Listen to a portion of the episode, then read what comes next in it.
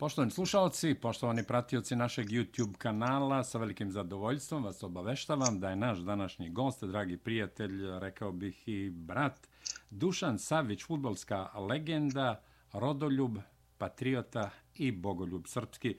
Futbolska legenda Crvene zvezde i bivše Jugoslavije. Pomaže Bog, dobroveče Dušane. Bog pomogao, dobroveče i vama. Kako ste, kako ste krenulo je ovo svetsko prvenstvo u Kataru? Odlično, odlično, to je najvažnije. E, to je najvažnije, tako je. U četvrtak na svetskom futbolskom prvenstvu igraće naši momci, dakle reprezentacija Srbije protiv Brazila. Četvrtak. Šta očekujete i može li Srbija da savlada Brazil? Možda pitanje malo ovaj a, a, ajte da kažem neumesno u smislu može li naravno da može ali legitimno legitimno legitimno pitanje. tako je legitimno pitanje ali u svakom slučaju navijamo za naše i očekujemo pobedu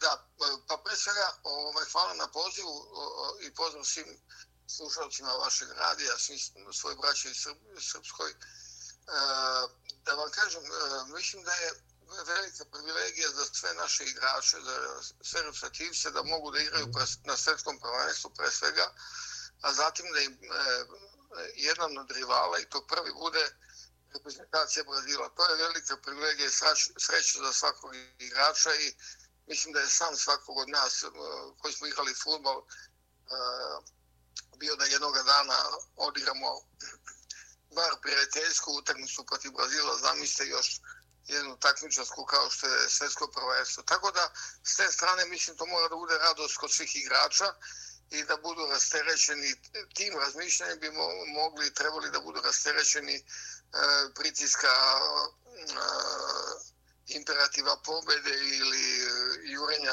nekog rezultata. Mislim da e, je svima jasno koji se bar malo razumiju u futbol da se mi nalazimo u jednoj dosta komplikovanoj i ne lakoj grupi gdje imamo Brazil od kojeg svi očekuju da bude bar finalista svjetskog prvenstva, ako ne da bude i šampion sveta. Tako da uh, moramo Brazil skloniti, što se kaže iz našeg videokruga u takmičasnom smislu, bez obzira što sa njima treba igrati na pobedu i na pozitivan rezultat, ali od njih se očekuje da budu tamo gdje sam već rekao da će biti otprilike i da se skoncentrišemo na ove dve druge reprezentacije e, koje su Švajcarska i Kostarika e, ako uzmemo u obzir da smo imali jedno neprijatno iskustvo sa švajcarcima u Rusiji pre četiri godine, a da mnogi naši e, takozvani poznavaoci futbola e, ne znaju i ne poznaju reprezentaciju Kameruna, bojim se naše euforije e, i zato pozivam na opreznost, na a, opreznost i odgovornost u ove dve utakmice, da shvatimo da imamo neprijatne, ne u, nezgodne protivnike, da ih moramo shvatiti kao kad budemo igrali sa Brazilom, da bismo prošli eventualno u drugi krug takmičenja. Tako da, eto, ja pozivam uvek na oprez, ne volim kada se pobeđuje pre utakmice, e, volim kad je pobeda u 90. minutu i zato kažem, bez obzira što verujem u našu reprezentaciju, što ima dobar tim, dobre igrače, možda je malo velik, veća razlika i disbalans između kvaliteta navale i odbrane, ali opet kažem, napravljena je dobra atmosfera u reprezentaciji u posljednjih godinu dana kroz kvalifikacije za svetsko prvenstvo smo pokazali da imamo i dobar tim i dobre pojedince, naravno sa nekim manama koje se moraju ispraviti i izvladati svakoga dana, ali e, mislim da je motiv e, izvanredan i ogroman na svjetskom prvenstvu i da da je sada sve na igračima da pokažu da e, dostojno nose dres, e, državni grb i dres, e, e, srpski dres na, na, na svojim rodima. Gospodine Saviću, pomenuli ste Švajcarsku. Za Švajcarsku igraju dva šiptarska, albanska provokatora, Džaka i Šačiri. Da li očekujete provokacije i kako da reaguju naši futbaleri? A, tokom tih nekih utakmica, čak i u Beogradu sa onim dronom, naši su bili dostojanstveni, ali ako oni pokazuju nešto što iritira i što je neljudski, zašto im ne pokažu naši kako se testerišu drva ili nešto tako? Ne, ne, nema potrebe za tim, naravno, to nije deo naše kulture. Pa nije, naravno, nije deo sporta, ali samo, već prestaje... Samo se plašim da, da, da ne podlegnu šiptarskim provokacijama i da ne bude kao u Moskvi, da se više obračunavamo u igri ko će da bude oštriji, ko će da bude grublji i da to izbaci iz koncentracije za igru.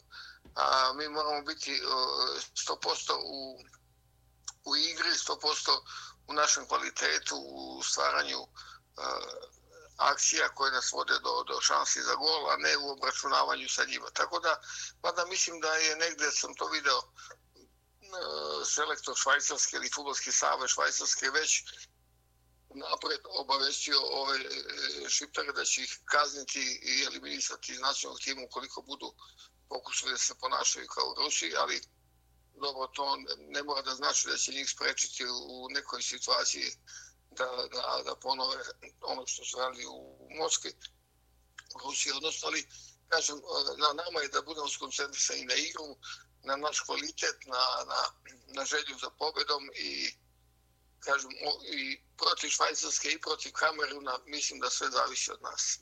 U svakom slučaju očekujete prvo ili drugo mesto u grupi?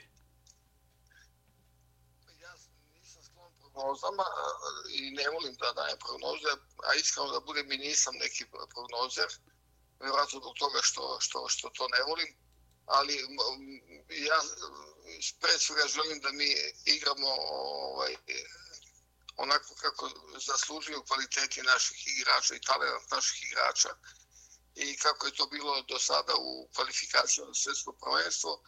A ako tako budemo prišli e, igri i takmičenje, mislim da onda ćemo ići ovaj, dobrim putem i da ja uvek kažem da na svjetskom prvenstvu, svakom svjetskom prvenstvu navijam za Srbiju, Rusiju i Brazil, ovog puta Rusije nema, tako da ostajemo mi i Brazil, a pošto smo u istoj grupi, bilo bi lepo i da iz iste grupe izađemo dalje ovaj, e, zajedno u dalji tog takmičenja i idealno bi bilo da budemo i u finalu ako je moguće, ali opet kažem, zavisi se od nas i od, od pre svega od ove dve utakmice protiv Švajcarske i Kameruna.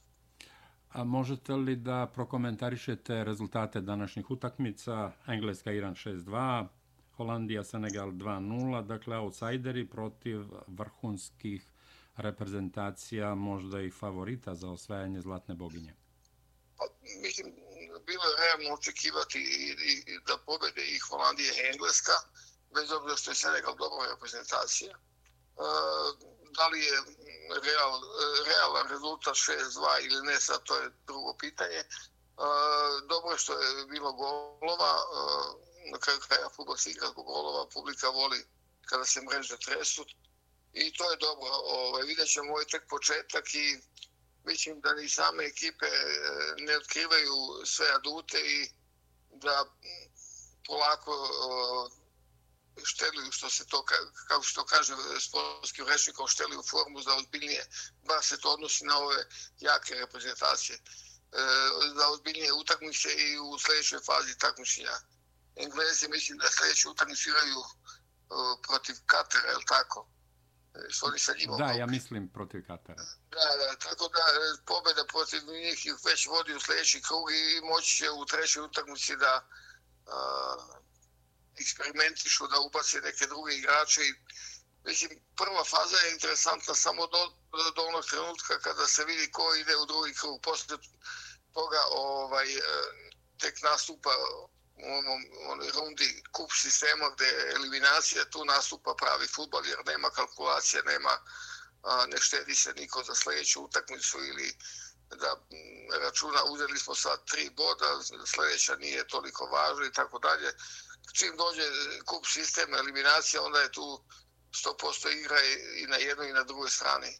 I ja čekam tu drugu fazu da, da ozbiljnije gledam sve utakmice. Iako gledam sve, ali bit će ono mnogo interesantnije što bude takmičenje se približavalo finalu. Gospodine Saviću, rekao ste da ne volite da prognozirate rezultate utakmica, ali evo pokušajte na neki način da izvojite favorite za osvajanje svetskog prvenstva u Kataru. Pa, mislim, e, kako god da, da okrenemo u, na svakom svetskom prvenstvu, ko prvi pada na pamet bilo kom navijaču, to su Brazil, Argentina, Nemačka, Engleska, Italija, Španija. iako ja mislim da ovoga puta ne znam iz kog razloga to govorim, ali nešto mi govori da su Argentina i Brazil najveći favoriti. E pa nekako naravno, se... Nemci, Nemci su Nemci, tu razgovora nema. Uh, tako da mislim da evo te tri reprezentacije uh, Eh, Brazil, Argentina i Nemačka uh, evo pre, pre nego što smo vidjeli Nemce kako igraju i, i Brazilce i Argentince, jel, uh, govorimo onako možda po navici, jer do sad je to uvek bilo pre svako svjetsko prvenstvo, da oni budu u grupi favorita, ali vidjet ćemo na terenu šta će se odvijati, ali eto, ako biram po nekim emocijama i za mene su Brazil, Argentina i, i Nemačka, a, posebno Nemačka zbog odbiljnosti, favoriti, a da će to tako biti, vidjet ćemo.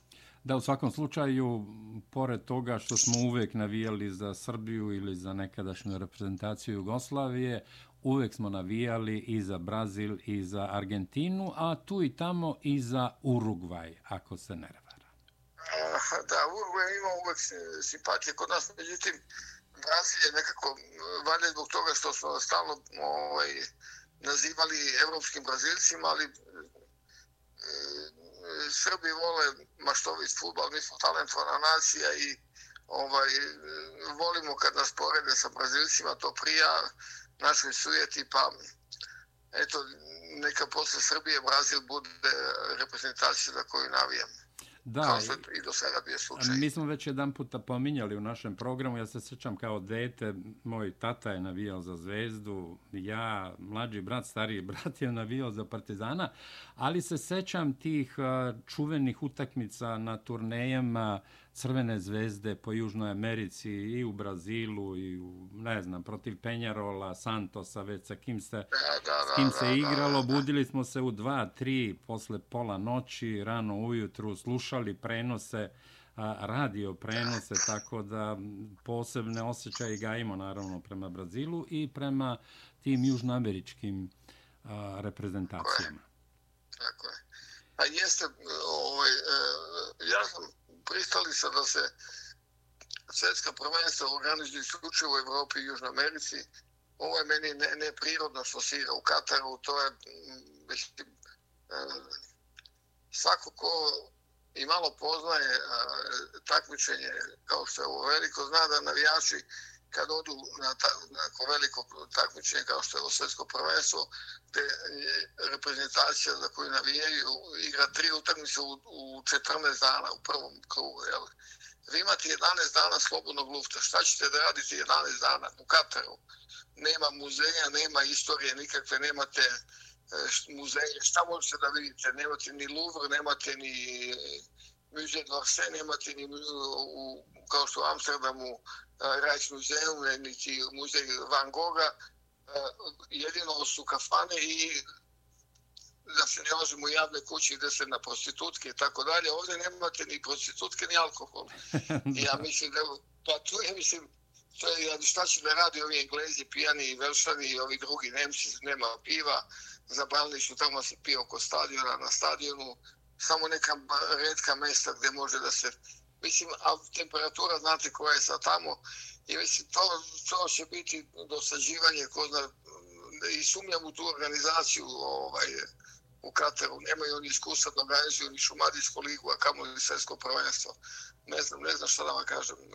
Ja bih da, se, da mogu da odlučujem sam i da se pitam samo u Evropi i Južnoj Americi, tu je tradicija velika futbala, velikih takmičenja i nekako narod se saživeo u, ovih koliko već 70-80 godina futbala e, na tim velikim takmičima da gleda svjetsko prvenstvo iz Mihena, iz e, Francuske, iz Brazila, iz Meksika, iz Argentine.